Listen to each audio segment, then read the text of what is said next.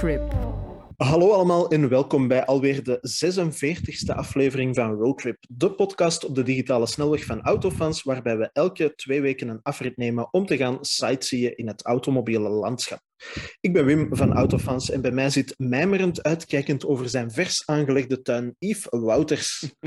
Hallo, hallo. En als een godheid stil aanwezig, maar hangend in de cloud en dus omnipresent en ons elke keer weer een stemgevend techniekgod Sven. Hallo iedereen.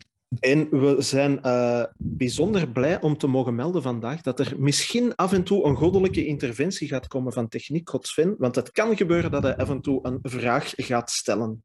Dus we zijn zeer benieuwd wat dat gaat geven. Maar alleszins, als de verbinding met onze gast vandaag een beetje hapert, beste luisteraars, dan is dat niet de schuld van onze techniekgod en al helemaal niet van onze gast, want die was zo vriendelijk om vandaag tijd voor ons vrij te maken, nog wat langer op kantoor te blijven hangen en maar liefst zes uur tijdsverschil te overbruggen. Er zit dus een gigantische afstand tussen onze gast en ons, want onze social distance loopt van hier tot in China vandaag. Want daar was deze landgenoot immers verantwoordelijk voor het ontwerp en de bouw van de Polestar-fabriek in Chengdu, en bewaakt hij nu de kwaliteit en de lancering van nieuwe producten. Goedemorgen of liever goedenavond, Koen Sonk. Uh, goedemorgen in, in België. Inderdaad, het gaat al tegen de middag gaan. Voilà. Super. Ja, Koen, Koen, hoe voelt het om, om de, de verste gast ooit te zijn in, in, uh, in de Roadtrip podcast? Ook een, een unieke ervaring. Ik, ik mis België. Ah, voilà. Oké, okay, is, dat, is dat echt waar? Ja. Ja, en, en zeker nu met corona. Dus, dus ah, het is eigenlijk met een tweede, tweede tour of duty, noem ik dat in China. Ik heb al een keer in China gezeten van 2010 tot 2015. Mm En uh, dus dat was al een hele ervaring. Ik was voordien eigenlijk altijd in, in, in België werkzaam bij, bij Volvo Cars Gent. Uh, en, en dan gereisd wel. Je rond de wereld, maar dat is toch nog iets anders dan dat je effectief verhuist en daar gaat wonen en, en, en werken. Uh, en, en ik heb dat gemerkt na, weet in, het begin gekomen in een totaal nieuwe omgeving. Uh, zowel op privévlak, werkvlak, hè, dat, dat, is helemaal anders, China. Um, en, en dat was nog helemaal anders dan dat je daarvan voorstelde op dat ogenblik.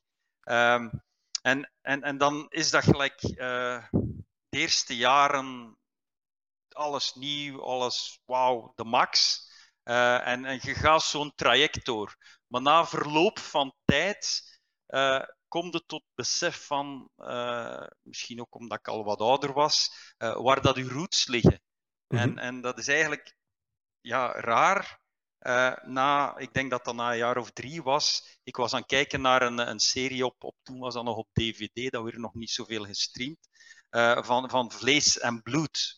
Ah, en ja. ik keek daarnaar en dat was zo echt een, een, een openbaring van, oh, maar dat ben ik.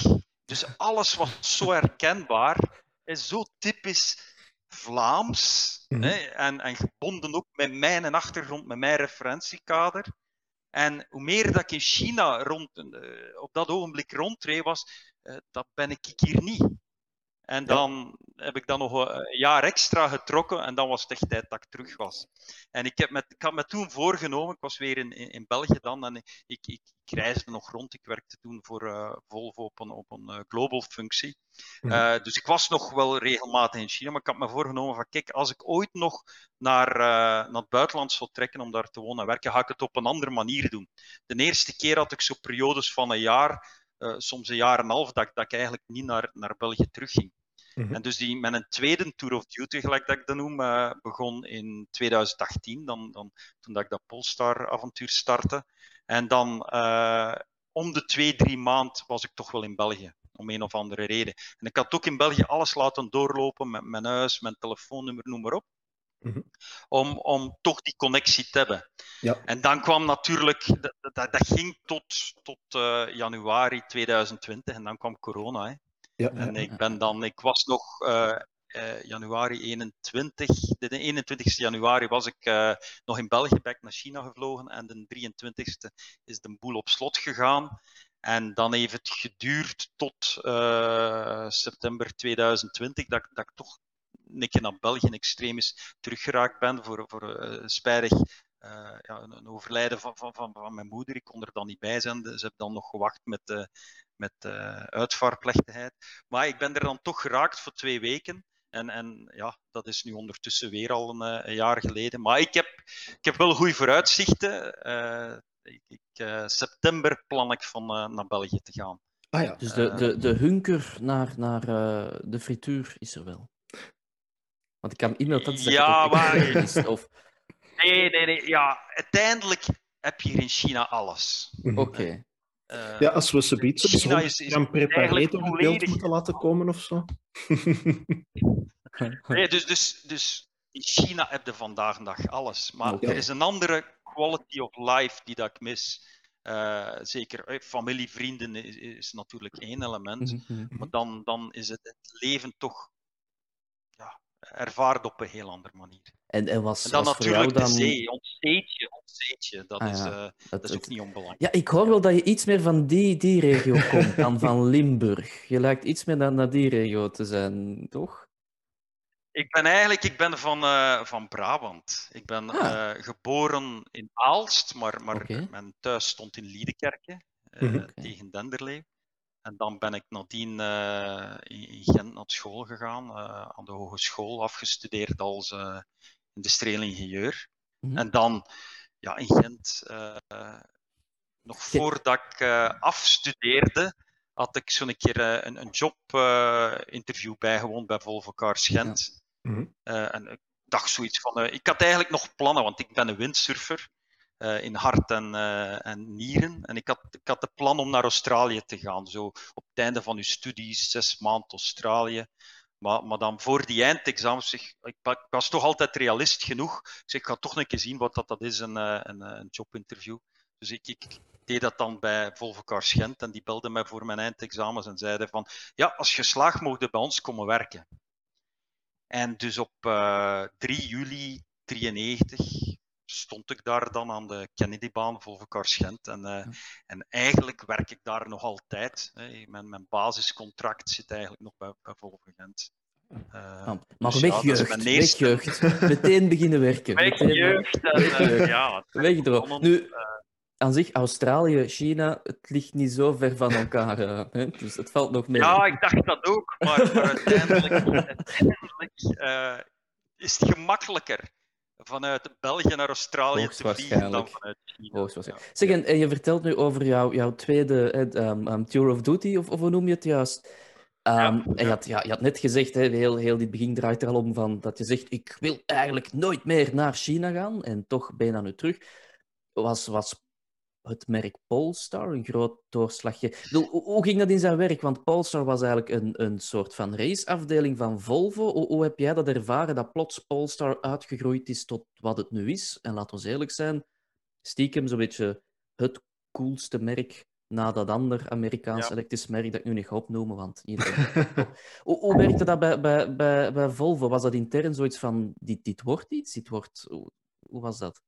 Ja, maar toen, we, toen ik nog voor Volvo Cars eh, fulltime werkte, ik zal het zo zeggen, en, en dat ik uh, tussen na die eerste China-avontuur heb ik voor drie jaar eigenlijk gebaseerd op de China-ervaring die, die ik opgedaan had, heb ik binnen Volvo Car een, een, een, supporterende functie had, wat ik rondreizen. Wij waren in, in, bij Volvo Cars nog met een enorme expansie bezig gebied van uh, manufacturing. Dus we hadden in China dan nog uh, na die eerste fabriek, waar ik onderdeel van, van maakte, nog, nog uh, drie andere fabrieken gebouwd. Dan nog iets in India opgestart en dan in, in Amerika. Dus ik, ik reisde rond en eigenlijk, en zolang dat er in het begin nog geen quality manager was, nam ik die functie waar.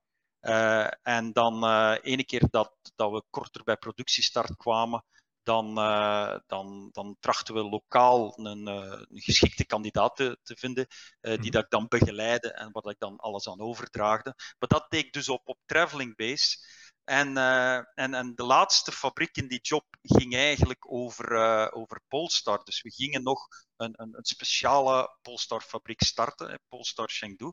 En, en dat was eigenlijk een soort van, in Chinees noemen we dat een, een Mingpian, een, een, een, een visitekaartje van het brand. Want die ging Polestar 1 bouwen. En ik was dus in, in mijn, vanuit mijn Volvo-job al bezig met dat project aan het ondersteunen, met de bedoeling dat ik op een gegeven ogenblik dat ging overdragen aan eh, eh, een, een verantwoordelijke, een, hoofd van quality binnen, binnen Polestar. Maar ik was, langs de ene kant, dat zo beu van altijd te moeten gaan uh, supporteren, begeleiden. En ik ben nogal een, een man van de actie. Mhm. En uiteindelijk zei ik zeg, oké, okay, dat werk is, is zo interessant Um, en dan, dan, dan op een of andere manier vroegen ze toch aan mij van, kijk, wilde jij dat niet doen? En ik zei, ja, dan draag ik het aan mijn eigen over, dat is eigenlijk ideaal. En dan ben ik weer uh, ja, in, het veld gestapt. Um, en uh, natuurlijk, in het begin was Polestar was, um, een, een beginnend een standalone brand binnen de Volvo Car Group. Maar de eigenaarschap was 100% eigendom van, van Volvo Cars. Dus de, de, eerste twee jaar van, van mijn assignment was dat nog zo. En nadien hebben ze die structuur veranderd. Uh, en, en, is eigenlijk het eigenaarschap opgesplitst tussen Geely, de grote Geely Holding, en, en, en Volvo Cars was dat 50-50. En, en, is Polestar dan meer een, een, een eigen koers kunnen, kunnen gaan varen. Uh, maar omdat mijn contract al liep, is er eigenlijk niks aan veranderd. En, en zijn we zo verder gegaan. En natuurlijk, ja, uh, was, was Polestar interessant om, om daarop toe te happen. Zeker, want ik kan u een, een kleine anekdote vertellen van 2012.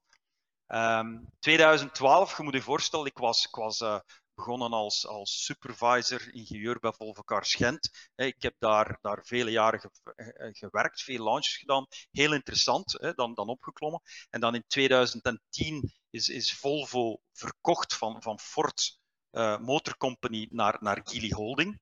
En, uh, en, en dan was dat zo, oké, we gaan een expansie starten, we gaan, uh, we gaan een fabriek starten in, in China. En, en ja, oké, je springt mee op die trein in dat verhaal. Ehm, ene rode draad, alles wat dat we van, van werk doen eigenlijk in China is, is enorm interessant. We werken met, met een klein team. Je hebt, je ruim mandaat. Dit, is toch heel wat anders. Je hebt heel veel vrijheden en, en uh, ja, het geeft enorm veel voldoening.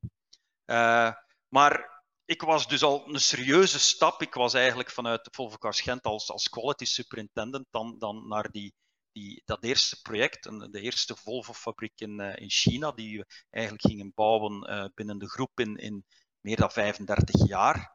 En uh, we hadden een, een, select team samengebracht met, uh, want, want Volvo had op dat ogenblik twee grote fabrieken. Dat was één in Gent, dat was eigenlijk de mhm. grootste. En dan hadden we één in Zweden, in Torslanda. En, en we hadden een, uh, een mix van, van, van mensen vanuit beide, beide fabrieken. En, en, en ik was daar voor, voor manufacturing quality te vertegenwoordigen. En, maar dat was al een enorme een enorme sprong, want uh, ja, ik ging van, van, superintendent naar quality director. Maar in, in China heb je eigenlijk geen, in, in de setup dat we hebben, heb je geen people managers nodig. Je hebt eigenlijk manager experten nodig. En, en meer nog de nadruk over mensen die, die, die weten hoe dat moet gebeuren. Je hebt geen team met, met, met 10, 15 mensen rondom u die alles kennen. Uiteindelijk hangt heel veel af van de ervaring en de kennis die dat je zelf opgedaan hebt. Je, recruteert de mensen rondom u. Uh, ze op. Uh, uiteindelijk zijn we nu binnen, binnen Polestar Manufacturing in China met twee sites, zijn we, zijn we met drie buitenlanders. En toeval wil, dat zijn drie Belgen. Uh, dat heeft misschien iets cultureel te maken. Uh, en, en, ik ben een van de die. Maar dus terug naar, naar, naar die eerste fabriek, 2010, 2011, dat was al een grote uitdaging. Ik had een, een, een duidelijk beeld van hoe, hoe ziet een, lean manufacturing plant eruit. Hè? Um, uh, en ik was aan dat traject bezig. En, en in 2012 ik had al een keer een profiel op LinkedIn gezet, hè, dat is hoe dat jullie mij ook gevonden hebben. Maar kreeg ik in één keer een telefoon? Ah ja, uh, in, in, in, in het Engels of in het Amerikaans. Ja, ik ben de personal assistant van Elon Musk. Oké. Okay. Uh, Elon Musk. Um, ja, ik, ik heb dat dan een keer gegoogeld. uh, al, al eens van gehoord. Ja, ja, ja oké, ja. Uh, Tesla, ja, dat, dat, die waren nog niet zo groot, die waren nog aan, aan het beginnen. Hè. Hun, hun ja. S was, was nog in pre-series dan. En uh, oké, ik lees wel Solar X. Uh, en dan uh, is het nu Solar X of Solar City voor de zonnepanelen. En ja. dan SpaceX, SpaceX voor de, voor de raketten. Hè. Dus ja, dat was al vrij indrukwekkend. En, en die zeiden van, ja, wij, wij willen nu laten overvliegen naar uh, Fremont, Californië. En uh, wilde jij Tesla niet uh, het kwaliteitsgedeelte leiden? Want op dit ogenblik, Elon Musk, weet je, die tekent nog elke wagen die van de lijn komt af, die inspecteert die, die tekent die af zelf. Hè? Dus dat was nog aan, aan het begin van, van Model S. En, en dat is ja. niet, dat is niet uh, sustainable, Allee, dat, dat kan zo niet verder. Uh, ik had dan ook even gekeken zo naar, naar hun website van wie, wie is die allemaal aan, aan het verzamelen. Mm -hmm. Dus eigenlijk Tesla op dat ogenblik, uh, of Elon Musk, was aan, aan, het kijken rondom hem één in uh, automotive en voor, zijn, voor zijn marketing, hè, zijn, zijn concept, had hij eigenlijk iemand weggenomen van Apple. Hè, en die, die, die eigenlijk in Apple het, het, het Apple Store concept uitgewerkt had. Hè, en die heeft dan de, de, richting gezet naar de, de, de spaces, hè, naar de, de Tesla Spaces. Uh, dan voor uh, manufacturing had hij iemand van Toyota. Toyota is eigenlijk de referentie naar, naar manufacturing, uh, methodes van manufacturing vanuit Japan. Uh, dus, dus daar had hij iemand van daar meegenomen. Uh, naar ontwikkeling toe, de VP voor ontwikkeling was eigenlijk iemand die van Mazda komt. Mm -hmm. en, en, en het Mazda-ontwikkelingssysteem, Mazda heeft een, een nauwe samenwerking gehad met Ford.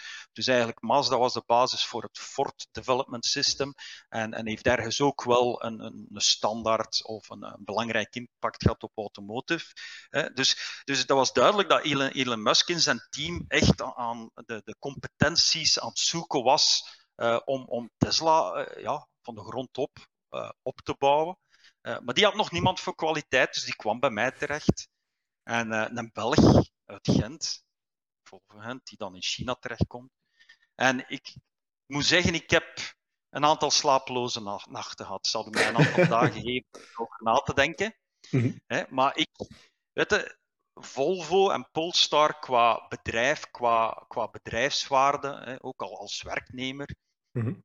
of, of naar, naar, zowel naar, naar de klanten toe, die, die heeft een heel uh, specifieke cultuur. Uh, we zijn enorm uh, um, people-oriented, people-centric. Um, dus, en, en ik werkte daar ondertussen al ja, bijna twintig jaar. Dus ik, ik voelde me vrij lo loyaal. En ik had niet het gevoel van ik ben hier op het einde van mijn job. Dat, dat begon daar nog maar pas. Plus, ja. ik had ook nog niet die cirkel gedaan. Hè. Die, die fabriek was, was, we waren die aan het bouwen. Ik, ik had die, die, eigenlijk die processen, de, de plannen, hè, alles wat dat op, op vlak van kwaliteit, hoe dat we dat gingen doen, uitgewerkt. En, uh, en ja, dat, dat, was nog niet ten einde, dat was niet het juiste moment. Plus, oké, okay, en, en is dat een beetje op safe spelen? Hè? Dat je kunt zeggen van, uh, als je zelf al zitten in China, als er morgen iets is van dat ik zeg van oké, okay, een, een, noodscenario thuis in België of, of het gaat gewoon niet meer, dan kan ik altijd terug, ik stap op een vlieger en ik ben terug in, in Gent, bij manier van spreken. Ja. Uh, dus uh, en dan die Amerikanen, hè, ja, ze noemen dat de, de hire and fire mentaliteit. Je zou dan in een avontuur stappen, hè, maar, maar ja, die, die Elon Musk, dat is ook nog iemand die, die redelijk uh, wispelturig kan zijn. Die kan, uh, je hebt dat ondertussen al gezien met, met Bitcoin en met, met zijn Twitter en noem maar op. Het is wel dus een speciale, hè? ja, je stapt in zo'n verhaal. En, en ja, hoe lang gaat dat duren? En, en, ja, en, en Allee, dus uiteindelijk heb ik, om een lang verhaal kort te maken, na een aantal dagen heb ik uh, teruggebeld en gezegd, not interested.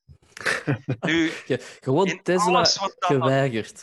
Ja. ja. In alles wat dan nadien kwam, als ik dan las het woord Tesla, dan heb ik dat natuurlijk wel gevolgd en gezien. Ja. en, en, en, maar tot vandaag de dag heb ik eigenlijk daar geen, geen spijt van. Maar misschien heeft dat wel meegespeeld om dan in de Tesla van Volvo daar toch op die ja. kar te springen. Ja. Ja. Hè? Want dan die waarden, uh, toch die link, dat gevoel van. Hè, want voor mij is het belangrijk niet als individu alleen in een job te zitten. Want ik bedoel, alleen zeiden, kun, je, kun je nooit tot, tot uh, succesverhaal of, of, of verhaal tot een succes brengen, um, je hangt altijd af van de mensen rondom u. En, en ik voel me in Volvo, in Polestar enorm goed. de, de, de, band die ik heb, de, de manier hoe dat wij samenwerken, hoe wij communiceren. Hè. In, in, wij zeggen altijd, eigenlijk is, is elke relatie gebaseerd op, twee heel belangrijke elementen. Dat is uh, respect en trust, hè, vertrouwen mm -hmm. en, en, respect. En, en als dat er is, dat, dat maakt dat dat zoveel plezanter is om, uh, om, om te werken. Ja. Zeg, Koen, laat ons eerlijk dus ja. zijn. Um, je hebt ook uiteraard aan het Tesla-nieuws uh, blijven volgen.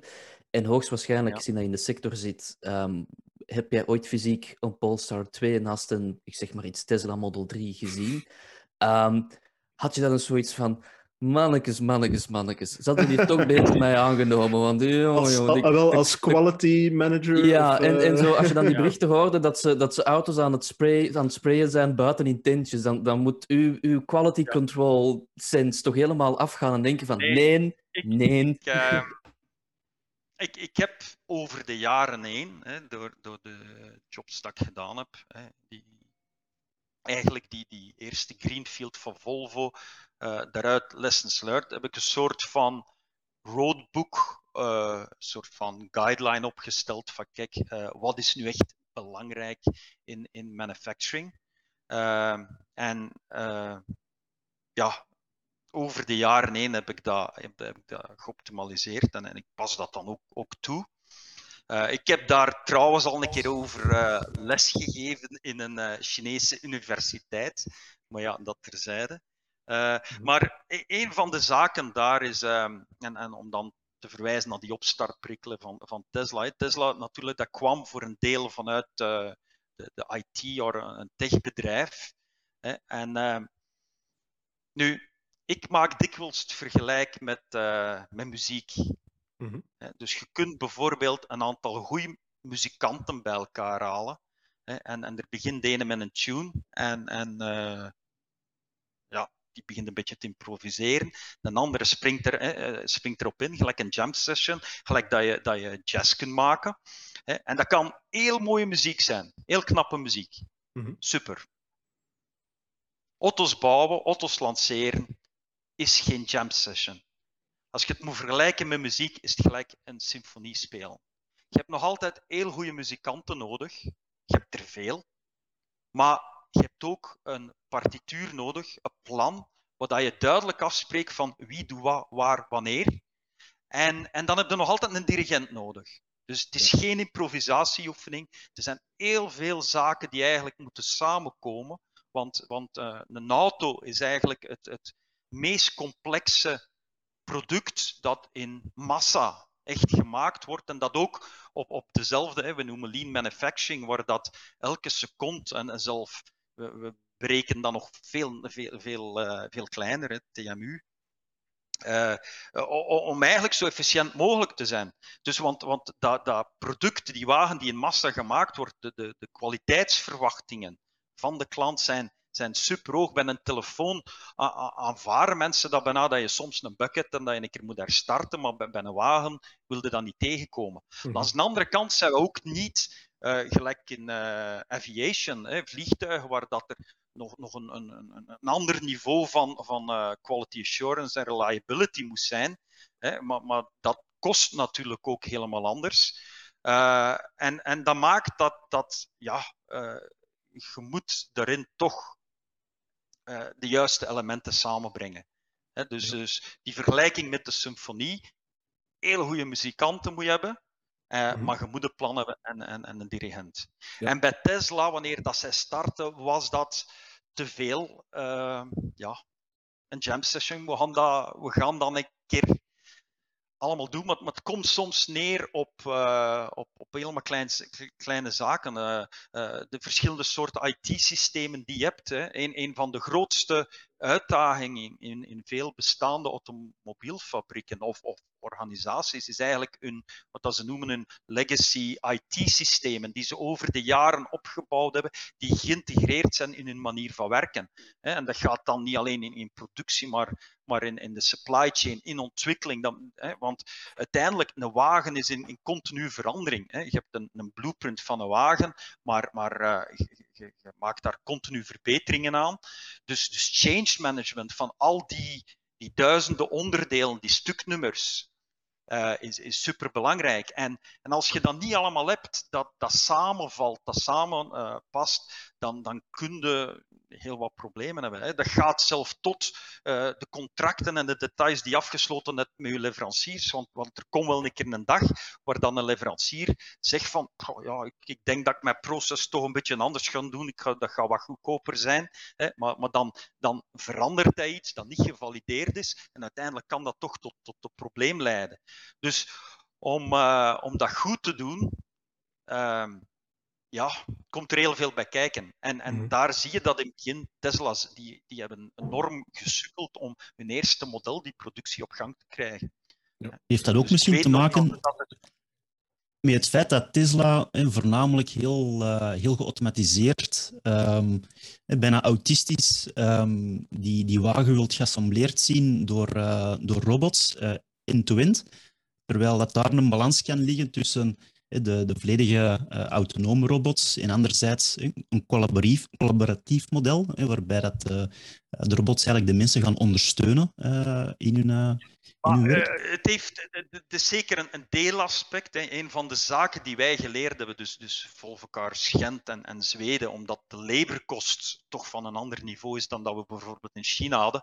En over de jaren hadden we hadden maar twee fabrieken en, en we, we wouden natuurlijk daar altijd meer en meer modellen bij steken. Dus moesten we heel creatief zijn met, met automatisatie en gingen we een bepaalde richting uit van extreme automatisatie. Waar we ook maar konden, trachten we eigenlijk de mens te vervangen, maar dat, maar dat kan nooit uh, eh, 100%. Ik bedoel, zelfs uh, Volvo Gent is uh, 5.000, 6.000 man, dus, dus het is een utopie. Je kunt nooit volledig uh, automatiseren. Je hebt altijd mensen nodig.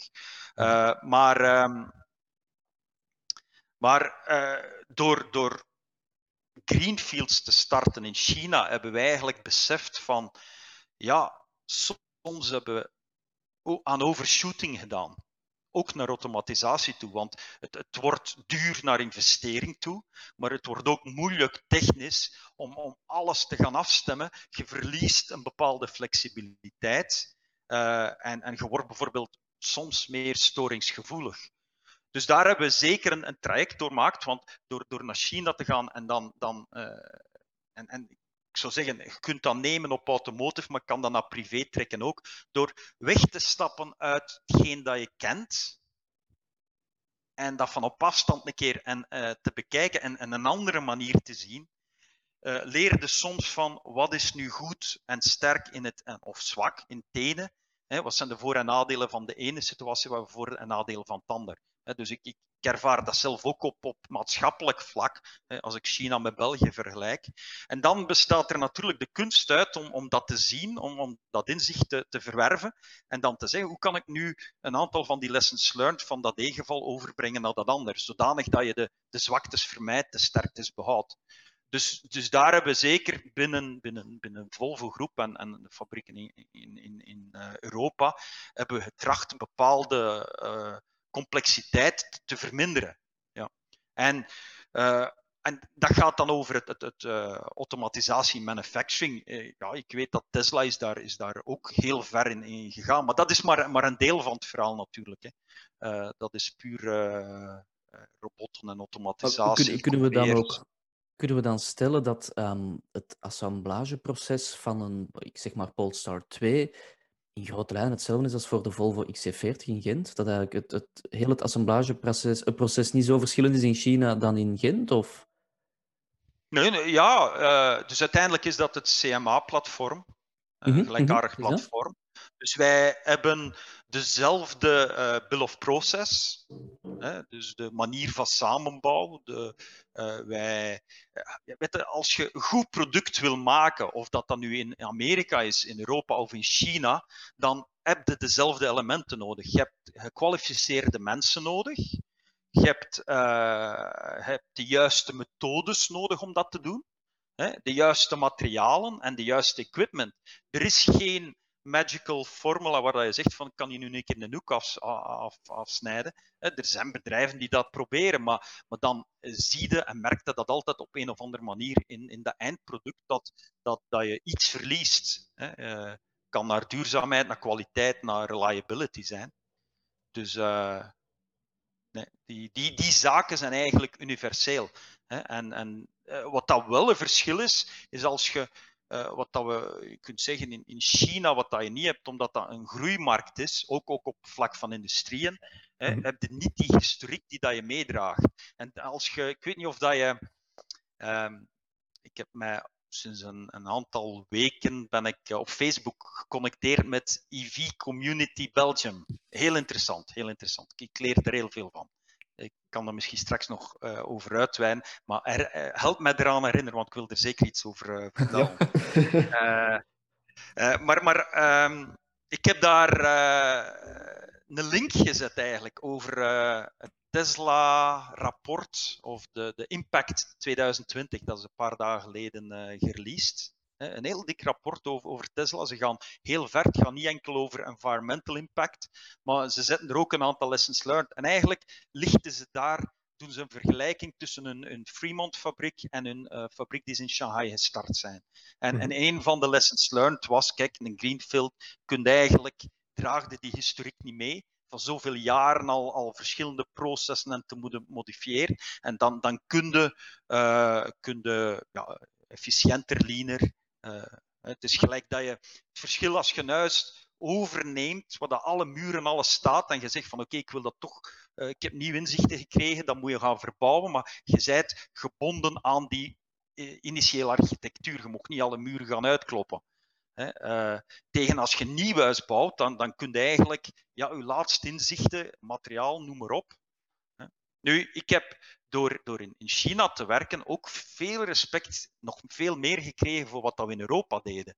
want fabrieken 30, 40 jaar altijd maar vernieuwen en, en lopende houden met, met zo'n mhm. uitdagingen. Uh, ja, dat is chapeau, dat is, dat is niet evident.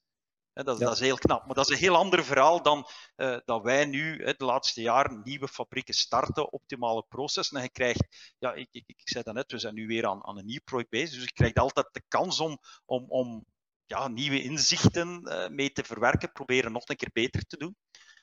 Uh, ja. Zijn er zo technische drivers die, um, die jullie dan zo Greenfield kunnen gaan, gaan toepassen? Rond digital nu, twins, rond AI, big data enzovoort? Ja ja, uh, smart technology, industrie 4.0. Dat is zeker iets dat, dat we waar we al voor een deel mee bezig waren in, in, alle fabrieken, maar dat we toch tot een ander niveau, omdat er technologische ontwikkelingen zijn die, die, die dat mogelijk maken. Een 5G hè, uh, zorgt voor een heel reliable netwerk.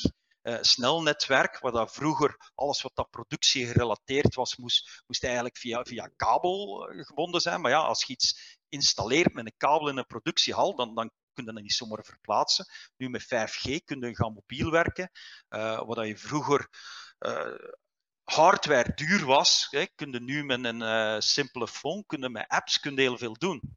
Mhm. En als je dat dan verbindt met 5G en je kunt dat op een slimme manier verwerken, dan ja, natuurlijk, al die technologie is leuk, maar wij introduceren niet technologie om de technologie te moeten. Oftewel moeten we er een kostenbesparing mee kunnen doen, oftewel moeten we onze kwaliteit kunnen verhogen, hè, of onze efficiëntie. Uh, het is altijd, uh, anders moeten we het niet doen. Is er een afzonderlijk team dat daar meekijkt in de ontwikkeling van zo'n zo'n productielijn om te zien waar ze er een aanvulling op kunnen doen? Of staat dat toch al centraal in de ontwikkeling van de lijn zelf? dat zit er eigenlijk bij geïntegreerd. Wij, werken met, met cross-functionele teams, hè, kunnen zeggen. Je hebt altijd je hebt, uh, de productiemensen, maar uh, ik zie mezelf nog altijd als een productieman ook. Uh, maar daarnaast ja, moeten natuurlijk alles engineering en hebben wij de juiste teams, afdelingen. Hè. Maar uiteindelijk ja, cross-functionele teams manufacturing engineering, assembly, plant engineering, onderhoud. En, en, en, moeten wij samen zo goed mogelijk trachten de dingen uit te werken en, en dan te implementeren. En natuurlijk maar het is wel interessant ervan van in China te zijn, want ik bedoel, het laatste jaar, ik heb geen cashgeld meer gebruikt. Hè. Zelf kredietkaart gebruikte niet meer. En dan is het soms wel hilarisch als je, want, want uiteindelijk een, een telefoon, een smartphone, is eigenlijk disruptive technology. Het, is, het is een, een technologie en, en uh, disruptive technologies vinden ook in, in, in andere areas. Maar dat, dat, dat, spreekt men van als je een nieuwe technologie heeft die eigenlijk zoveel beter is dat het de andere technologie obsolet maakt. Mm uh, dus het is niet meer nodig. Uh, en, en zelf geen moeite voor mensen om er naar over te schakelen. als je dat ziet in, in China, iedereen heeft gewoon een smartphone. Dat is, uh, zelfs als je naar Afrika gaat, eerlijk gezegd, want het eerste wat dat mensen nodig hebben is natuurlijk eten, eten en water voor te drinken. Hè. Dus uh, voedsel en, en, water, eten en drinken. Dan een dak boven uw hoofd. En het volgende is een smartphone. Hè. Mm -hmm. Want dat laat u toe om geconnecteerd te zijn. Dat laat u toe om geïnformeerd te zijn, te communiceren. Er is nu een gele generatie in die landen, die, die hebben geen computer. Die slaan dat over, die hebben geen computer nodig. Die, alles wordt bijna met uh, smartphone gedaan. En dus, dus China is er een voorbeeld van. Heel de discussie in de shop van, ja, maar met Mr. Cash en Visa en, en, en ik moet, moet commissie betalen en ik moet dat baksken en dat kost te veel. Heel die discussie en, en de bank neemt erop. Ja, hier eigenlijk... Uh, smartphone. Er zijn een aantal apps. Ik, ik weet dat er vanuit China hè, van een buitenuit dikwijls over, over gesproken wordt. Hè. Er is controle, bla bla bla. Maar dat is een ander, laat dat even opzij. Dan uh, uh, WeChat is bijvoorbeeld een heel simpele app die, die alles toelaat en, en uh, daarmee ja, een goed voorbeeld van, van, van ehm, uh, Industrie 4.0 vinden hier op restaurants. En ondertussen met COVID zie ik dat er enorme stappen in, in Europa ook gebeurd zijn al. Hè, want, mm -hmm. want, dat is een accelerator geweest. Maar uh, je komt in, in veel, um, uh, veel restaurants staat er gewoon een, een QR-code op de tafel. Je scant dat in, je krijgt op je, je smartphone direct de menu, je, je, je, je, ordert wat dat je wilt, je betaalt onmiddellijk. Je moet niet naar een andere app springen, dat, wordt, dat is allemaal in diezelfde apps. Die order wordt doorgestuurd naar de keuken, die hebben eigenlijk een ordermanagement systeem geïntegreerd, zodanig dat die efficiënt en, en, en een ober brengt. Uh, uh, ober, dat kan man en vrouw zijn, hè. we gaan neutraal zijn. Dus uh, uh, die brengt dat gewoon uh, aan tafel en that's it. Hè, dat is industrie 4.0. Ja. En is het een verhaal dat, um, dat ook, allez, hoe moet ik dat zeggen? Je werkt nu in de autosector. Je hebt daar zelf niet voor gekozen, want je bent gewoon gaan solliciteren en je bent moeten beginnen bij, bij, bij Volvo Gent destijds, hè? jeugd weg. Um, is dat iets wat, wat ook merkt dat een autosector. Allez, ik voel dat zelf ook zo aan dat dat een moeilijke stap is voor de autosector. Want een auto blijft natuurlijk nog altijd iets dat op vier wielen staat. Daar gaan we nog niet meteen vanaf kunnen. Dus eh, die implementatie van nieuwe technologieën, ik heb het gevoel dat nee, mensen daar nog altijd nee. vrij weigerachtig tegen zijn. De klant, ja, de eindgebruiker. Ja, uiteindelijk de, de, de connectiviteit. Hè. Uiteindelijk nieuwe technologieën, en, en dat, is, dat is ook, hè, we hebben nog niet over, te veel over uh, EV's, electrical vehicles, gesproken.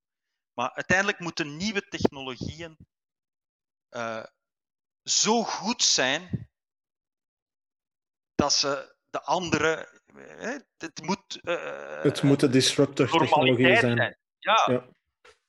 Uiteindelijk is, is de keuze logisch. Ik ga voor een EV omdat het gewoon beter is. En dat is natuurlijk de opdracht van, van zowel dus, ontwikkelaars, producenten als overheid, als je iets in die richting wilt sturen, dat je, dat je het nodige kader, de oplossingen vindt, zodanig dat dat zo is. Mm -hmm. en, is, is, dat ook een van de redenen geweest waarom dat jullie, um, in hoeverre dat jij dat weet, ook gewoon voor het Android-platform gekozen hebt in car? Omdat je ook zoiets hebt van, je kunt miljoenen pompen in het zelf ontwikkelen van software, maar eigenlijk, zeker, allee, laat ons zeker. eerlijk zijn. Maar dat is al, ja. al van vroeger. Hè. Vroeger had elk, elk merk bijna zijn, zijn eigen ingebouwde GPS en dat was nog niet geconnecteerd.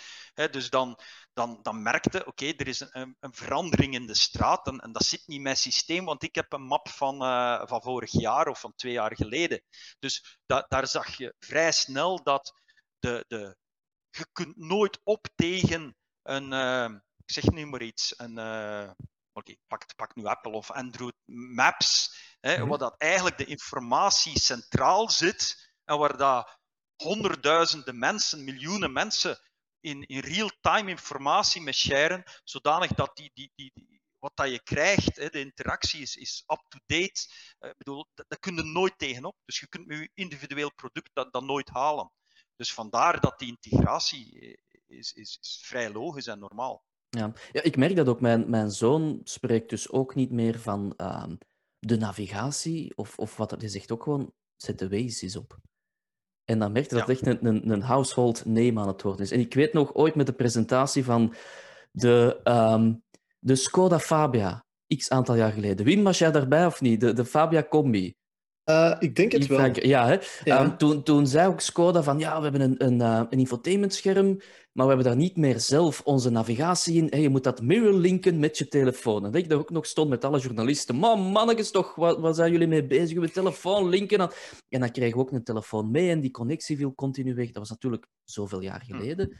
Maar nu stap ik in een auto, ik connecteer mijn telefoon, ik zet mijn Waze via Android Auto op en hm. ik denk, elke keer als ik dat opzet, denk ik, de Ju, bij Skoda waren ze toen eigenlijk al mee in het verhaal. De technologie was er nog niet, maar ze wisten al wel van dit, dit wordt iets.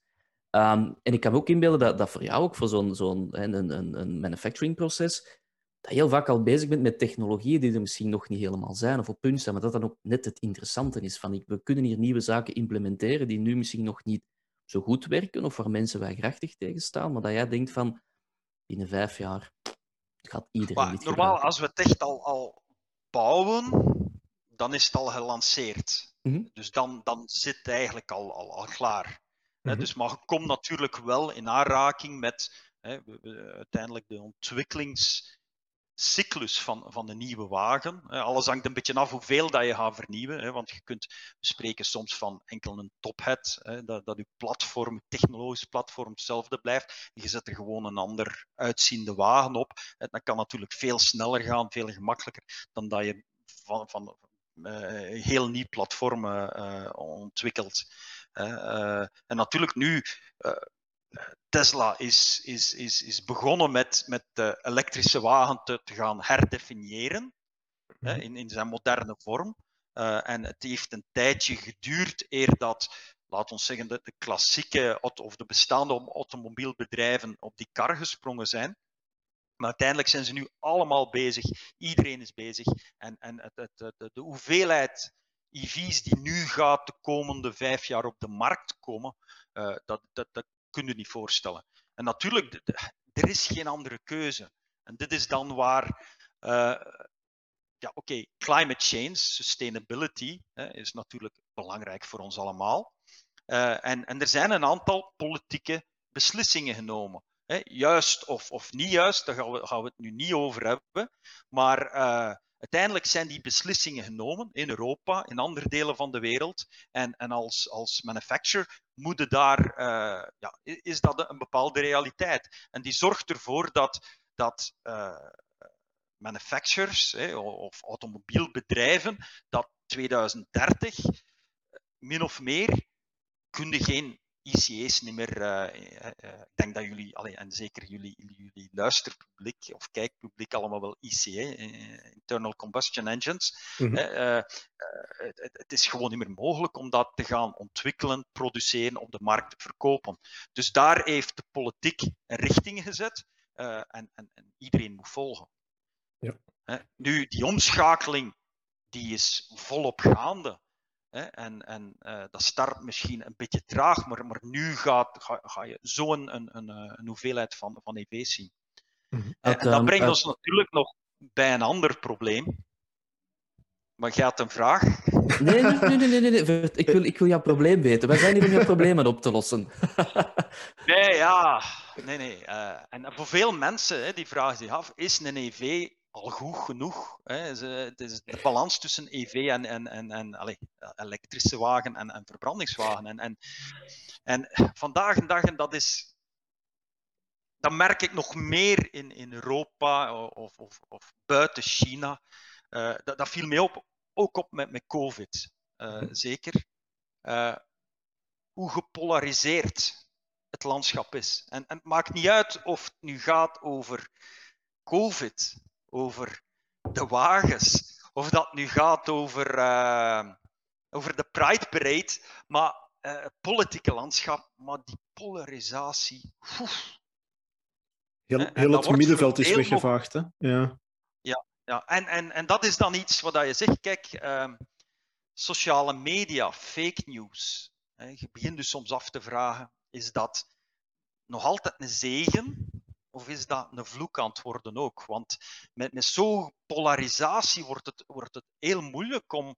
Hè, ah, ik bedoel, in een samenleving, hè, en, en uh, ik zou er lang kunnen over vertellen, want er zijn interessante vergelijkingen die je kunt maken tussen China en, en, Europa, omdat ze toch op, op, op heel wat zaken uh, verschillend zijn op dat vlak. Mm -hmm. Maar uiteindelijk, laat ons het vereenvoudigen, in een team wilden toch allemaal in dezelfde richting stappen. Ja. He, eh, uiteindelijk moet je toch allemaal zeggen van kijk, wij, wij, wij, wij zijn allemaal wel verschillend en we gaan ons best en, en we gaan samenwerken, maar ergens moet, je, moet die neuzen in dezelfde richting staan. En, en als je in een team, in een samenleving, als je zegt van ik wil naar links en jij wil naar rechts, dan, dan, dan lukt het soms niet. En, en zeker als je, als je een status quo wilt behouden, als je zegt als team, ik wil ik niks veranderen, ik wil ik gewoon hier ter plaatse blijven, oké, okay, dan maakt dat niet uit. Maar als, als, als de uitdagingen er zijn, als het, het landschap, de wereld verandert en jij moet als team mee veranderen, of je moet heel wat realiseren, dan, dan is dat moeilijk. Dus ja, ja uh, die polarisatie die, die trekt zich door en dan, dan, dan zie je dat, ja, fake news en, en of dat dan nu over COVID, over elektrische wagens, over...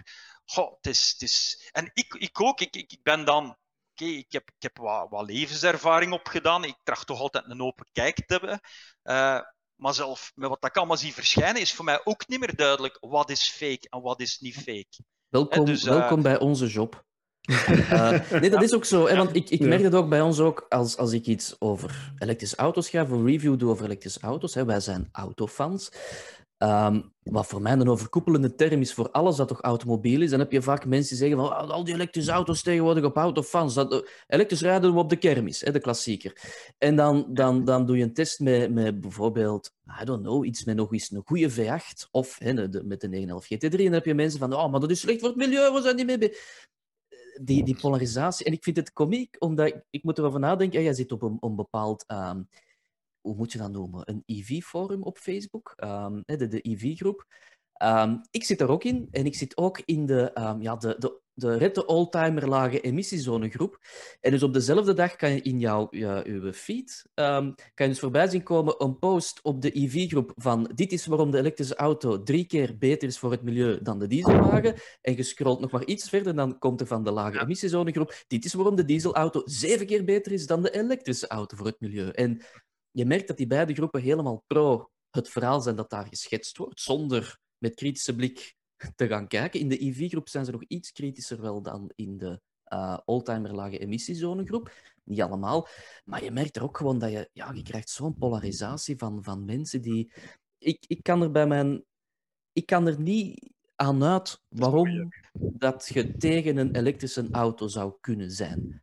Te meer omdat de mensen die er tegen zijn... Ja, maar te meer omdat veel mensen die er tegen zijn ook zeggen van de elektrische auto zorgt ervoor dat men een oldtimer weg moet. En dat, dat is niet het verhaal. Er zijn ook nog ik altijd denk dat er nog een ander probleem is. Ik denk dat er nog een ander probleem is. Okay. Dus vandaag klopt het dat als wanneer dat je, dat je kijkt naar, naar het gebruik van een EV in de maatschappij, of uh, ja, noem het de maatschappij, laat, laat ons heel ruim houden, um, is nog niet evenwaardig als het gebruik van een ICE. Dus er zit daar nog een groot verschil in. Mm -hmm. uh, nu, ik ben er wel van overtuigd, technisch, dat wij een EV kunnen krijgen, en het is niet alleen de wagen zelf, maar het is vooral dan alles er rond, en we Mhm. kunnen er straks even dieper op induiken, maar eh, dat wij de EV kunnen uitwerken tot een equivalent gebruik binnen de maatschappij als een, eh, als een ICE. Maar Ja. vandaag zijn we daar nog niet. En vandaar voor mij eh, was voor een deel toegang tot die groep en, en, en elke dag. Ik heb gisteren, ik moet even eh, iets toegeven, ik heb gis- gisteren iets ontdekt op Facebook. Je kunt gaan kijken hoeveel uren spendeerde op Facebook. Ehm, ik kwam gemiddeld twee uur per dag uit. Ik vond dat veel. Dat is Maar natuurlijk, veel. ik heb hier. eh, Ik ben nogal eh, een watersportfanaat. hè. Dat is een, mijn grote passie geweest gedurende 35 jaar. Mhm. Eh, En ik zit hier in Chengdu, eigenlijk in China, midden van China. Tussen, de, tussen omgeven door, door, door eh, zelf bergen, die we meestal niet zien. Maar, eh, maar er is hier geen water, er is zelf geen wind. Dus, eh, dus natuurlijk, ja, ik heb, ik heb wat tijd daarnaast en, en, eh, en, en die spendeer ik meestal door geconnecteerd te blijven. Een deel met vrienden, familie, maar aan de andere kant ook met een aantal interessegroepen. En, Mhm. en zeker die EV-groep heeft voor mij een, een beter inzicht gegeven. Want ja, ik, ik heb de laatste jaren altijd in China gespendeerd, dus ik heb een vrij goed beeld over hoe, hoe EV-gebruik in China is. Maar, maar ik heb, ik heb, ik heb dat niet mee, allee, ik heb dat niet mee, eh, die inzichten van wat dat er in, in België bijvoorbeeld is. Dus eh, door, door dat te zien voorbij komen, krijg ik een, een, kan ik dat een beetje analyseren, zie ik wat, dat, wat de uitdagingen zijn. En ik ga u één, één ding, het is, het is nog maar gisteren dat ik eigenlijk tot, tot de inzicht kwam van waarom is Tesla nu, staan die op een aantal vlakken vandaag nog voor. Hè? We, zijn, we zijn bezig aan het inhalen en, en we gaan heel snel, zeker met, met, met Polestar. Maar, ehm, maar waar- waarom? Hè? En het heeft niet alleen te maken met dat ze vroeger begonnen zijn. Er is nog iets anders. En, en, het is iets, en, en ik, ik was naar ehm, Wim, eh, of, of was het Yves? Ik weet het niet. Eh ik was een review van eh, Hyundai, maar we mogen het niet meer een Hyundai noemen. Ah, dat was Yves inderdaad. Ja. Ja, ja. Dat was Yves. Hè? En, en Ja. ik, was, ik was eigenlijk daarna aan het kijken en, ik, en jij vertelde dat, dat je normaal met een, met een Porsche rijdt, hè, een 993. En dan viel mijn frank eigenlijk. Kijk, binnen, binnen Tesla, dat was dus een nieuw bedrijf dat opstartte met eh EV's. En al hun engineers, hè, al hun management, directie, noem maar op. Hè, er zijn heel veel mensen die samenwerken. Maar als die een bedrijfswagen hadden, wat hadden die? Een klassieke auto. Nee, die hadden. Als je binnen Tesla werkt, die hebben geen klassieke wagen, die hebben geen ICE's. Ah, zo die manier. Ja, ja, ja. ja. Ja, dus die hebben EV's. Mhm, mhm. Dus die, die hebben binnen hun bedrijf. Hè, want welke auto kende je het best? Dat is de auto waar je elke dag mee rijdt. Ja. Hè, die dat je gebruikt met je gezin, die dat je gebruikt voor het commute, die auto kent het best. Hè, dus, dus veel mensen binnen die organisatie, binnen Tesla, die hebben eerste hand kennis, ervaring. Want ik geloof enorm in experience-based learning. School, dat is iets dat u een aantal basis, een basiskennis geeft, een aantal basisskills. Een man naar mijn hart in deze podcast. dan- Ga verder. Wat dat, wat dat echt belangrijk is, en dat is, dat is een van mijn, van mijn, van mijn eh, stokpaarden binnen manufacturing, is, is door te doen. Het is niet door naar een PowerPoint te kijken dat je zegt van wauw, en, en, en dat, dat weet ik nu en dat ga ik kunnen toepassen. Maar als je iets gedaan hebt, dat onthouden, dat... En, en ik haal in China dikwijls het voorbeeld aan van, eh, van een platte band, van uw fiets. Ik weet Mhm. dat ik een beetje spring van nek en tak, maar we gaan Dat teruggaan geen naar kwaad. Tesla. Maar, maar dus, dus een typisch verhaal, en, en, en, en, en dat toont ook een beetje de verschillen tussen, tussen Europa en, en, en China. Maar, maar als ik aan jullie vraag van, kun jij een platte band van een fiets ver- eh, herstellen? Mhm. Mhm. Wat ga je zeggen? Ja, Ja, ja, ja. ja, geen probleem. Van wie heb je dat geleerd? Van mijn Van vader. je vader of je grootvader? Ja. Ja. Je hebt dat Dus- eens zien gebeuren en dan probeerde dan een keer Ah, je hebt zelf. dat gedaan. Ja. En, en een deel heeft veel te maken ook wel met, met laborkost. Hè. Laborkost is in Europa, in Amerika, is, is vrij hoog. Dus Mhm. er is een echte do-it-yourself culture, dat zit ingebakken. Uh, dus maar, maar als jij een platte band maakt van een fiets, hè, dan krijg je een idee van oké, welke sleutel heb ik nodig om, dat, om, om die bout uh, of die moer los te doen van dat achterwiel? Ah, een 15 of een 17. Uh, ik ben er zeker van, als ik nu vraag, visualiseert in uw arm de kracht dat je moet doen om die moer los te doen, dat je dat eigenlijk kunt inschatten. Je kunt u dat voor de geest halen, in mhm. uw arm zelf. Muscle Dan, memory, uh, ja. Uh, een soort van full tracing, lucht weer in doen, een band doen, om dan in een water, uh, in een emmertje te gaan kijken van waar dat, het, het, de luchtbelletjes komen. Ja. ja. Nu, we hebben in het begin allemaal, weet je, die lijm, contactlijm, we hebben allemaal die fout gemaakt. Dat stik ik daar veel te vroeg op doen. Contactlijm, vijf tot tien minuten wachten. Vijf tot tien minuten, dat is lang, hè? Tuurlijk. Is, is het herkenbaar? Nu, in China bijvoorbeeld, niemand herstelt een platte band zelf. Je gaat, ja, nu zijn het allemaal sharing, we zitten al, al in, uh, in de volgende fase. Niemand mhm. heeft nog een fiets. Je, gaat naar de hoek van de straat en je scant de QR-code in en je pakt in een fiets op. Uh, die hebben zelf uh, zonnepaneeltjes en die zijn geconnecteerd online hè, met GPS-tracking en noem maar op. Dat, dat, is eigenlijk super. Maar juist ervoor, en, en ja, als je een platte band had, je ging naar de hoek van de straat, daar zat iemand die, die voor 1 à 2 kwai, dat is uh, eh, RMB, dat is uh, ja, 10 eh, eurocent, uh, die, die fixte dat voor u. Dus, maar dat was een specialist. Mm -hmm. Dus ik heb zelf van dienen nog bepaalde dingen geleerd. Hè? Dus die, die ruwde die rubber van die band nog meer op dan dat ik ooit durfde doen. Hè? opschuren. Om, ja, die hoopt dat je snel terugkomt.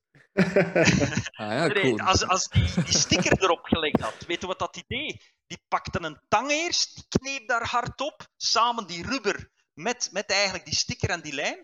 Die legde dan rond een blokje, pakte een ander auto blokje en die was er maar op aan het slaan. Wat dat hij eigenlijk probeerde te doen was een soort van koud vulkanisatie. Ja. dus ik heb er iets van geleerd. Maar dat is de enigste op die, op die 100.000 mensen dat in de buurt er wonen, die, die een, een platte band. Dus die is expert, maar de rest heeft dat niet mee. Dus al die ervaringen, die, die hebben dat niet. Door, omdat ze de dingen niet zelf doen. Dus ik, ik geloof heel veel experience-based learning, back to Tesla. Heel, mhm. al die mensen die daar werken, die ingenieurs, die managers, die mee, die, die, die, die moeten die transformatie, hè, die richting geven. Die, die hebben ervaren, wat, wat is het om een EV-wagen te gebruiken. Als ik nu kijk naar een klassiek bedrijf, mm weet je, als je mij vraagt, ik werk bij Polestar, wat is, uw, wat is uw wagen dat je gebruikt? Dan zeg ik, dat is een Volvo XC60. Dat mhm. is niet elektrisch, hè, cool. uh, heel, heel verhaal van de laatste tien minuten. Nee, nee. Hij kan ja, wel zijn band vervangen, Yves. ja, komt dat? Toen dat ik startte, had Polestar 2 was nog niet op de markt. Ah, nee. Ja. En een 1 zou wel iets te decadent zijn. De 1 ja. was een hybride, hè, dat is als dienstwagen een wagen van onder 55.000. Nee, dat lukt niet. Ik behoor tot de Volvo-groep. Ik heb ook uh, een gezin. Hè. Ik, heb, hm. ik heb een paar ronden. Dus op dat ogenblik, de juiste wagen was niet in het gamma. Nu, nee. nu hadden wij niet die link met Volvo had en die ICE's. Ik bedoel, dan was het eenvoudig geweest. Dat, dan was het, ja, uh, van als dat Polestar 2 uitkomt. Nu, met mijn wagen is nog lopende dus uiteindelijk, als je ziet bij de meeste eh, bestaande automobielbedrijven die al, die, die al op de markt waren, uh, de meeste mensen rijden nog met een ICE. Mm -hmm. Nu, wat is daar zo cruciaal aan? En dat is ook de reden dat ik, mij, dat, dat ik beginnen die EV-groep te bestuderen ben. En, en ik moet zeggen, ik, ik rij regelmatig met een Polestar 2, dus ik heb al wat ervaring ook. Hè, dus ik, ik, uh, ik tracht, tracht die kennis op te doen. Mm -hmm. Maar uh, het is niet alleen de wagen. Het is vooral alles er rond, de infrastructuur. En ik denk dat jullie dat maar al te goed weten. Een elektrische wagen vandaag werkt perfect binnen het uh, uh, commuten. Ik kan thuis laden, ik kan op het werk eventueel laden. Hè, en ik doe per dag niet te veel. Maar ga je op reis, ga je wijkte af, dan moet je beginnen zaken doen die je vandaag met een ICE nog niet moet doen. Dat is een bepaalde mhm. planning. Kijken de airco afzetten. De laders.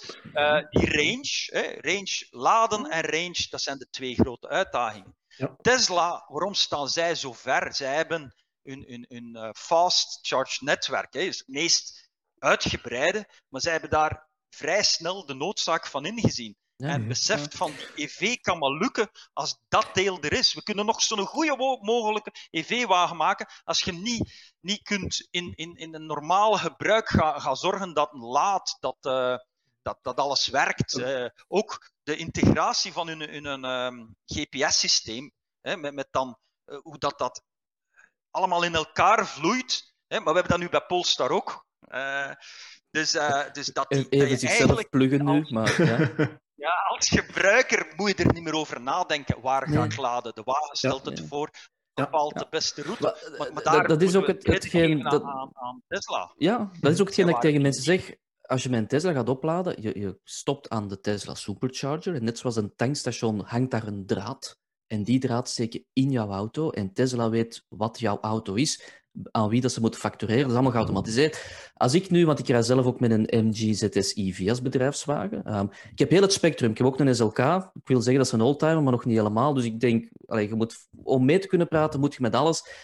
En ik merk er ook, ja, als je met een MG ergens moet gaan opladen, moet je de draad eruit halen. En dan is het een dikke of de dunne? Ah ja, de dikke draad, want hè, we gaan, we gaan uh, fast chargen, dus een DC-kabel. Ja, waar ligt die? Ah ja, onder de plank van achter. Oei, de hond zit erop. Hond eruit. Die draad eruit. Moet je dan zitten prutsen om dat in te steken. Hopen dat je kaartje scant of niet scant. Want ja, Tesla heeft gewoon één uniform supercharger-netwerk. Hier heb je 20.000 verschillende um, merken. En je hoopt gewoon dat uw kaartje dat alle merken um, aanbiedt, ook net die paal gaat aanbieden.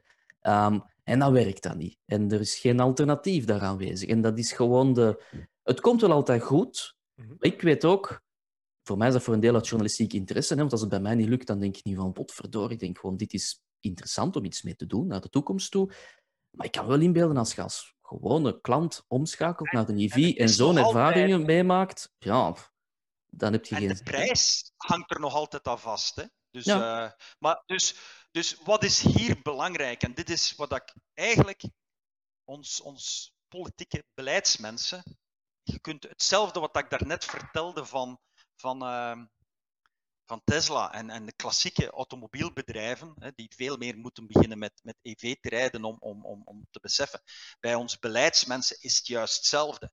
Zij beslissen wel van binnen vijf jaar of binnen x jaar hè, moet, moet alle bedrijfswagens, alle salariswagen moeten omschakelen. Hè, en tegen 2030 is het bijna onmogelijk om nog een eh, ICE te verkopen. Hè. Maar hoeveel van die beleidsmensen die die beslissingen genomen hebben, hebben effectief rijden elke dag met een EV.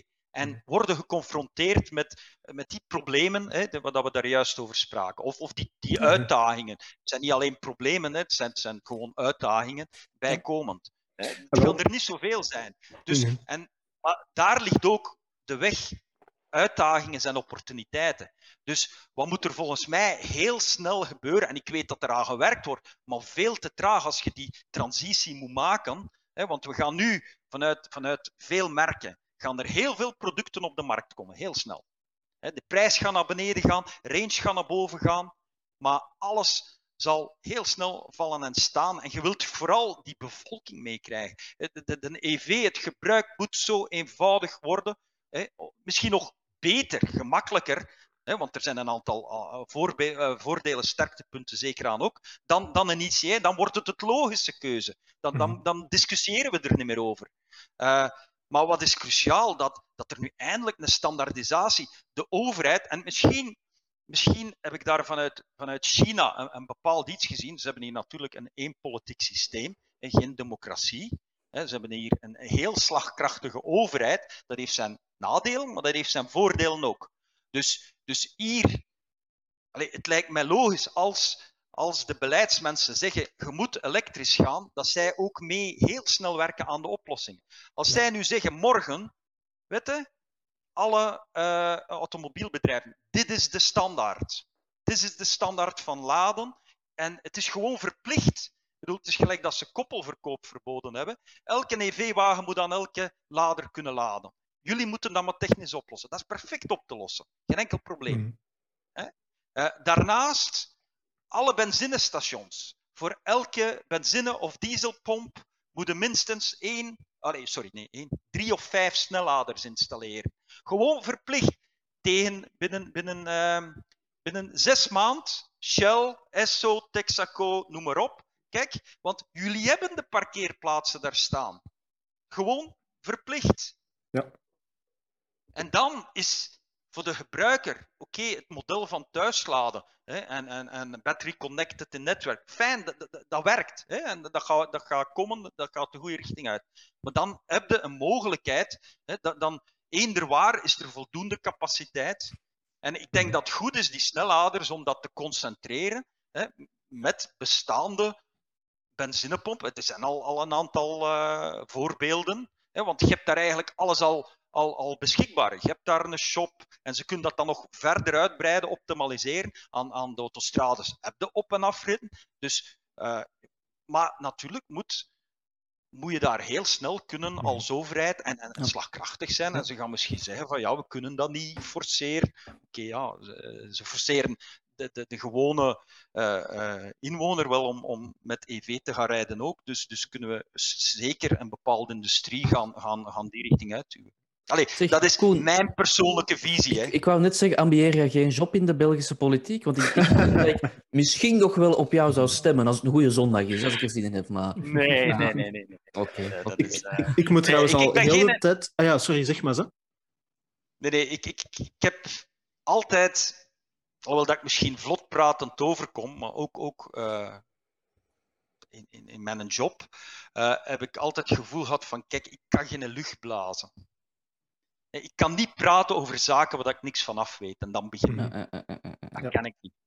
Maar als ik mij verdiep in iets en, en, en ik heb een bepaalde uh, inzicht verworven dat mij, dat mij uh, dan, dan, dan ben ik wel heel gepassioneerd. En dan kan ik er uh, op doorgaan. Dat, dat, ja. is, dat is een feit. Okay, ik moest trouwens al de hele tijd denken, maar ik gunde jullie even jullie momentjes samen, um, aan het verhaal van Herberties. Ik heb dat van de week of vorige week gelezen. Ik vond het ook heel frappant, omdat je het daar straks had over die experience-based learning en ja, de, de, de Tesla's, die effectief, de mensen die daar werken, die effectief ook met Tesla's rijden. Maar um, Herberties van de Volkswagen Groep uh, rijdt blijkbaar zelf met een Volkswagen ID3, gaat daarmee op vakantie en heeft onlangs vastgesteld dat de Ionity-snelladers toch niet zo heel goed waren. Ik vond dat een heel, ja, een heel frappant voorbeeld. Een voorbeeld. Ah, wel. Ja, ja. Maar, maar het is heel laat, hè? Als ja, wel, dat wou ik vragen. Hoe, hoe kijk je... Ja. Nee, maar dat is een perfect voorbeeld. Die ja. CEO die had al, uh, die had maar, al drie jaar ja. geleden, vier jaar geleden met een prototype van een EV moeten rijden mm -hmm. en ervaren wat dat is, zodanig dat hij kon zeggen van kijk, dat is nu een keer wat dat we moeten werken. We moeten contracten, we moeten die, die, die, die standaardisatie, want, want op die manier gaan we ons wagens niet... Allez, het gaat niet de obvious choice zijn om, mm -hmm. om een EV. Ja. Maar ik, ik ben er wel van overtuigd dat we in die transitie zitten en die gaat er komen. Maar je wilt niet hebben dat een EV daardoor nu een slechte naam of, uh, of die tegenwerking, die polarisatie. Hè, uh, uiteindelijk denk ik dat, dat het mogelijk is om op redelijk korte termijn een aantal structurele veranderingen door te voegen, zodanig dat, dat de discussie er niet meer is. Ja. En want dan, um, ik herinner me vooral om, om... zaken in het vooruitzicht. Hè? Ik herinner me nu vooral omdat je dat zegt, Wim, dat um, mm -hmm. de Dieter Groep in België, dat is de importeur van Volkswagen, Audi, heel, heel de Volkswagen Groep. Um, Ronald Dieter, hè, de, de, de grote man, de basis, die is overleden, denk ik, mm -hmm. vorig jaar wel, door COVID ook. Um, ik herinner me nog, er was een periode dat wij testwagens gingen halen in het, het hartje Brussel. Daar was dan hè, de big center van, van Dieteren. Um, en je moet inbeelden, Ronald Dieteren, grote zakenman, die had Bentleys, Bugatti's, die had alles. Die stonden daar soms ook in de ondergrondse parking stof te vergaren, zo Bentleys, dat je denkt van, ah ja, ja dat ik dat nu zelf hebben. Um, maar ik weet nog dat de persverantwoordelijke van Volkswagen ook zei van, kijk, eigenlijk is dat heel simpel. Elke nieuwe auto, van, van Seat, Skoda, maakt niet uit, hij wil daar zelf mee gereden hebben. Hij neemt die een weekje mee, dus die, die man had waarschijnlijk ergens een gigantische luxe villa en soms kon daar gewoon een week lang een, een Volkswagen Polo of een Seat, uh, ik wou een Up zeggen, maar een Seat Mii staan, Mii, puur uit ja. interesse voor het product dat hij ook verkoopt op de Belgische markt. En dat heeft mij altijd zo het gevoel gegeven van ah, dat is toch geweldig. Mensen die nog altijd voeling met de producten willen hebben. Ook al zit moet, in hè, in, in Ah ja, maar dat moet ook. Voilà, is dat voilà. juist hetzelfde. Hè? Dus Ja. ik, ik, uh, ik, ik leid een afdeling van, uh, in, in, Polster 1 is natuurlijk een laag volume, dus, dus hier zitten we met een, een veertigtal mensen bij mijn afdeling. dan in een Volvo en een high volume plant, dan, dan zitten we met uh, ja, 120 mensen die, die vanuit de kwaliteitsafdeling mee ondersteunen en, en van alle taken doen.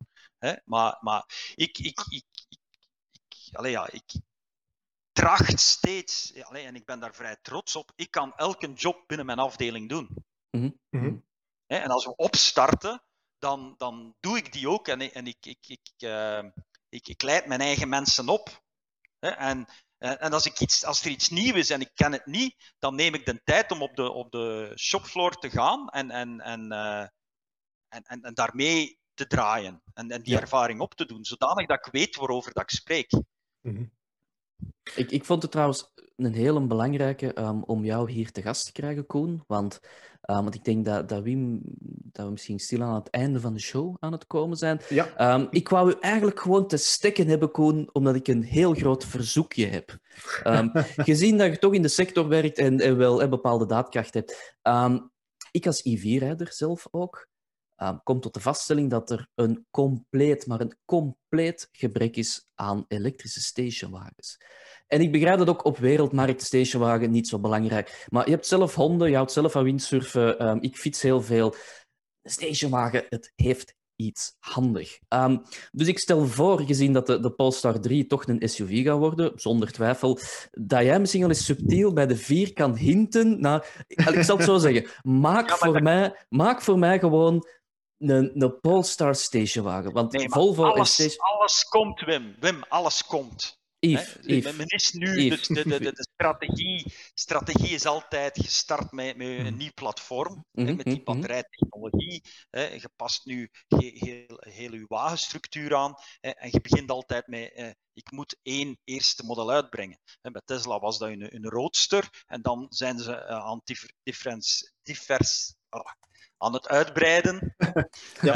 Eh, bij, bij Polestar was dat hetzelfde. We hebben daar ook Mhm. een, een sportwagen genomen Ja, als ja. eerste. En zo gaan we verder. Maar, Mhm. maar Polestar is eigenlijk de, de, de, de, de spearhead van de Volvo groep nou, op het gebied van technologie. En alles wat dat binnen Polestar komt, komt nadien eh, op, op een bepaalde manier toch weer binnen Volvo ook. Hè, dus, Ja. dus, dus je ziet dan bij Polestar 2, de C40, XC40 eh, EV, hè. Ja, ja, ja. Maar, maar kijk vandaag naar het Volvo-programma. Hè, Binnen, binnen vijf jaar, hè, eh, bedoel, we- gaan 2030, i- is, is Volvo alleen maar elektrisch. Dus, dus de ene na de andere wagen. En er zitten er daar breks tussen het, tussen het gamma. Ik wil een bevestiging. Ik wil een bevestiging. Nee, maar, maar dat is een, een, een natuurlijke weg. En, en Ja, ik ja, hou ook van een brek voor, voor een andere reden. Weet je, op een brek, een brek hè, daar heb je het volume, gelijk dat je zegt, Mhm. maar die is ook redelijk laag.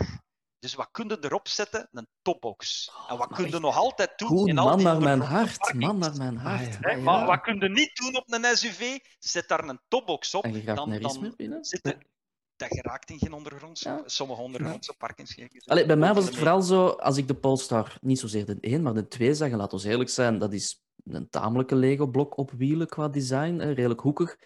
Dat deed me zo wat denken van, stel dat ze hier een stationwagen van maken. Dit kan echt een Volvo 850 worden, maar dan in een, hier zo'n goeie, hoekige... Oh, Het ik is wel zo, over heel de wereld hè, is, is een brek is echt wel... weet het, ik weet eh, het. 0,0002% van de verkoop, ja. Ja, dat is waar. Maar ja, afijn. Dus, allee, Koen, Koen, ik hoor het, dat wij samen wel dromen van de elektrische stationwagens. Dat is mooi, dat is mooi. Dat maakt me al gelukkig vandaag, ze. Wim, Ja. En we gaan naar ranges van 1000 kilometer. hè. Oh, Voilà. oh, stop, En- stop, en stop, stop. Snel laden, snel laden. Hè, batterijtechnologie gaat die richting uit. Mhm. eh, komende jaren. Hè, Mhm. Dat je eigenlijk zegt een batterij gelijk een, eh, gelijk een condensator. Hè, een, een telefoon opladen in 15 seconden. Ja. Hè, Extrapoleerde dan naar. En, en, en vandaar dat concept van die snelladers bij een, eh, bij een benzinestation. Als je morgen je wagen kunt opladen in, in tussen de 15 en de 25 minuten, dan is dat op zich geen probleem. Dan heb je ook doorstroom. Dan, Ja. dan zijn heel Ja. veel problemen van de baan. Klopt. Uh, ik had nog twee vragen, maar ik ga er één bewaren voor de volgende keer dat we gaan terugvragen. Want ik heb het gevoel dat als we dat nog eens doen, dat we gemakkelijk weer anderhalf uur kunnen vullen. Uh, nu, de tweede vraag ga ik wel stellen, omdat die enigszins relevant is, want uh, deze aflevering wordt opgenomen in uh, een week waar het uh, IPCC een behoorlijk alarmerend klimaatrapport heeft gelanceerd en ze gisteren in Sicilië ook een waanzinnig hoog temperatuurrecord hebben opgenomen. Maar um, er hangt ook een heel groot klimaatgedeelte aan het verhaal van Polestar en ook aan de fabriek van Polestar. Want de ambitie was bij jullie, denk ik, om een volledig klimaatneutrale fabriek te bouwen. Uh, maar waar liggen de uitdagingen daarvoor? Want jullie zijn ook wel heel specifiek in ja, klimaatneutraal. Dat is niet zomaar we bouwen iets en dan planten we nadien uh, een, een, een, park of wat bomen ergens aan het andere eind van de wereld. Maar jullie bedoelen dat echt heel concreet. Hè? En... Nu, om, het, om de vraag iets volkser te stellen, hoe lost je dat op met toiletpapier? dat lijkt mij de uitdaging. Maar... Nu, nu Polestar, hè, mm -hmm. dus uh, ze hebben, ze hebben dat in een pressrelease laten weten. Wil dus mm -hmm. tegen 2030 hè, de, de, ons, ons doelstelling is om de klimaatneutrale wagen te produceren. Ja. Dus het, het volledige vandaag, concept. Hè? Vandaag bestaan die technologieën nog niet. Ah, nee, dus nee. een van de uitdagingen is om die technologieën mee te ontwerpen. Ja.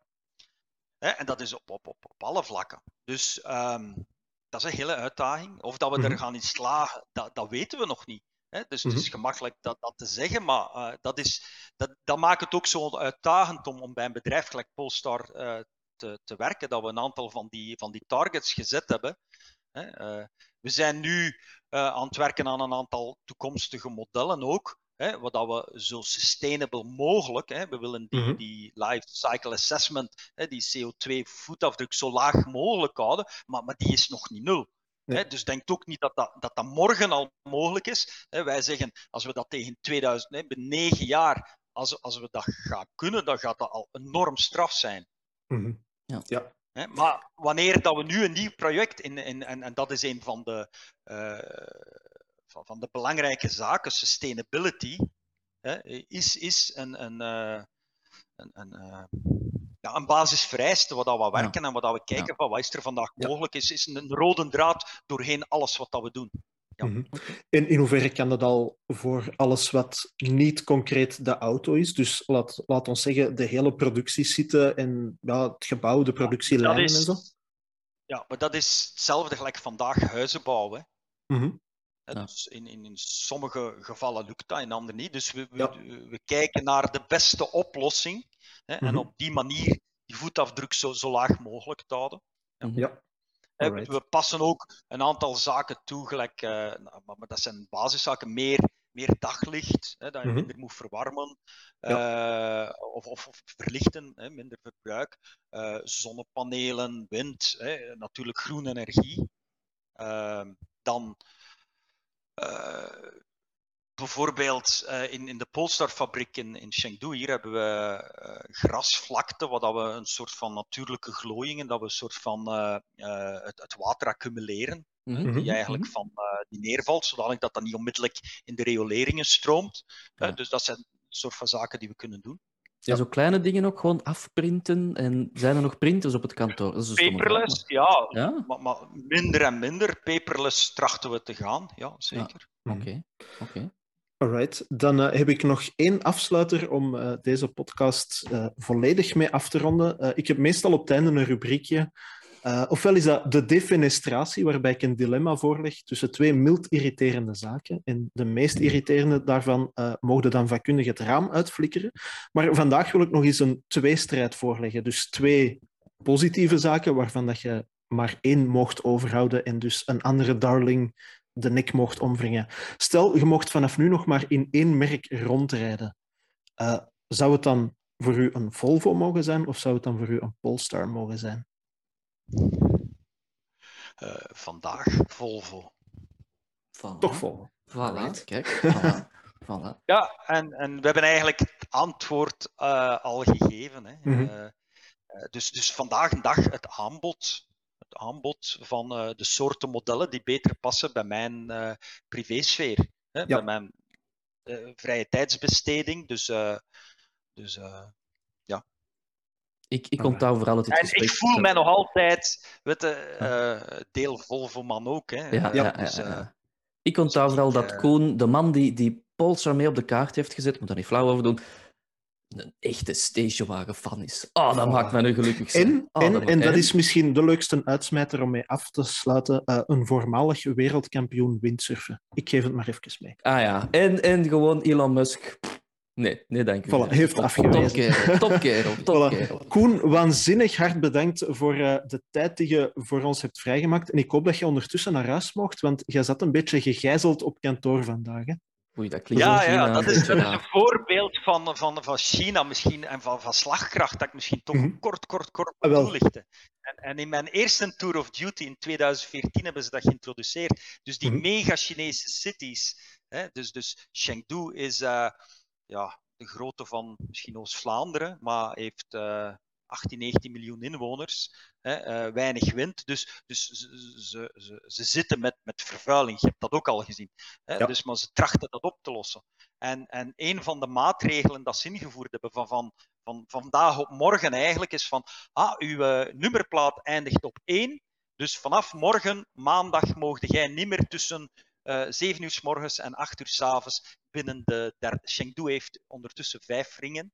Hè, ja. uh, maar mochten niet meer binnen de verdering rijden. Dus, en ik woon binnen de verdering en mijn nummerplaat eindigt op een 4. We zijn vandaag dus donderdag. Dus dat wil -hmm. zeggen dat ik uh, moet buiten zijn voor 7 uur en dat ik pas terug kan binnen een urke. Hè, uh, om, ja, dus, maar, maar op die manier zorgen ze onmiddellijk dat een bepaald uh, deel van de wagens uit, uit de stadskern uh, ja. geweerd wordt. En, en jij moet dan zelf maar een oplossing zoeken. Ja, In Antwerpen van... hebben ze zelfs niet eens een volledige ring, zeg. Nee, voilà. En hier, daar hebben ze vijf. Een soort van, een soort van lage emissiezone plus dus, eigenlijk. Daar komt het op neer, zo, ja. 2.0. Ja, en, en EV's of hybrides, mogen wel. Die, die mogen wel. Maar hybrides en EV's, elke wagen, Chinees, uh, dus, dus wagen, elektrische wagen, die op de Chinese markt wordt, daar moeten we vanuit de overheid een blackbox uh, insteken. En die capteert ongeveer 60 parameters van de wagen in real time. En die stuurt die door naar een of ander overheidssysteem. Ja. Dus, dus zij hebben op die manier trachten zij te doen wat dat Elon Musk weer gedaan heeft. Zij krijgen onmiddellijk megadata mm -hmm. over hoe worden elektrische wagens gebruikt. En dat gaat niet alleen van locatie, batterij, toestand, hoe dat ze laden, noem maar op. 60 parameters, dat is vrij veel.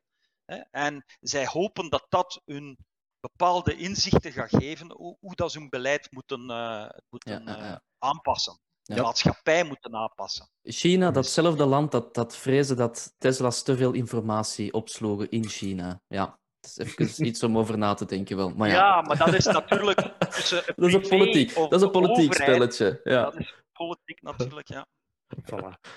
Alright, maar Koen, desondanks waanzinnig hard bedankt. Um, ik hoop dat je dat uur dat je daar nog even moet blijven zitten, uh, ruimschoots kunt vullen. En, uh, ja, nog een beetje ons... op Facebook kijken. Hè? En ah, wel, voilà, inderdaad. Er schijnt een hele goede EV-community te zijn op Facebook. voilà, voilà, voilà. Maar wat ons betreft, uh, ik denk dat wij u sowieso nog eens een keer moeten terugvragen. Misschien als u een tweede Tour of Duty erop zit of zo, bij wijze van afronding er dient zich ongetwijfeld wel een gelegenheid aan.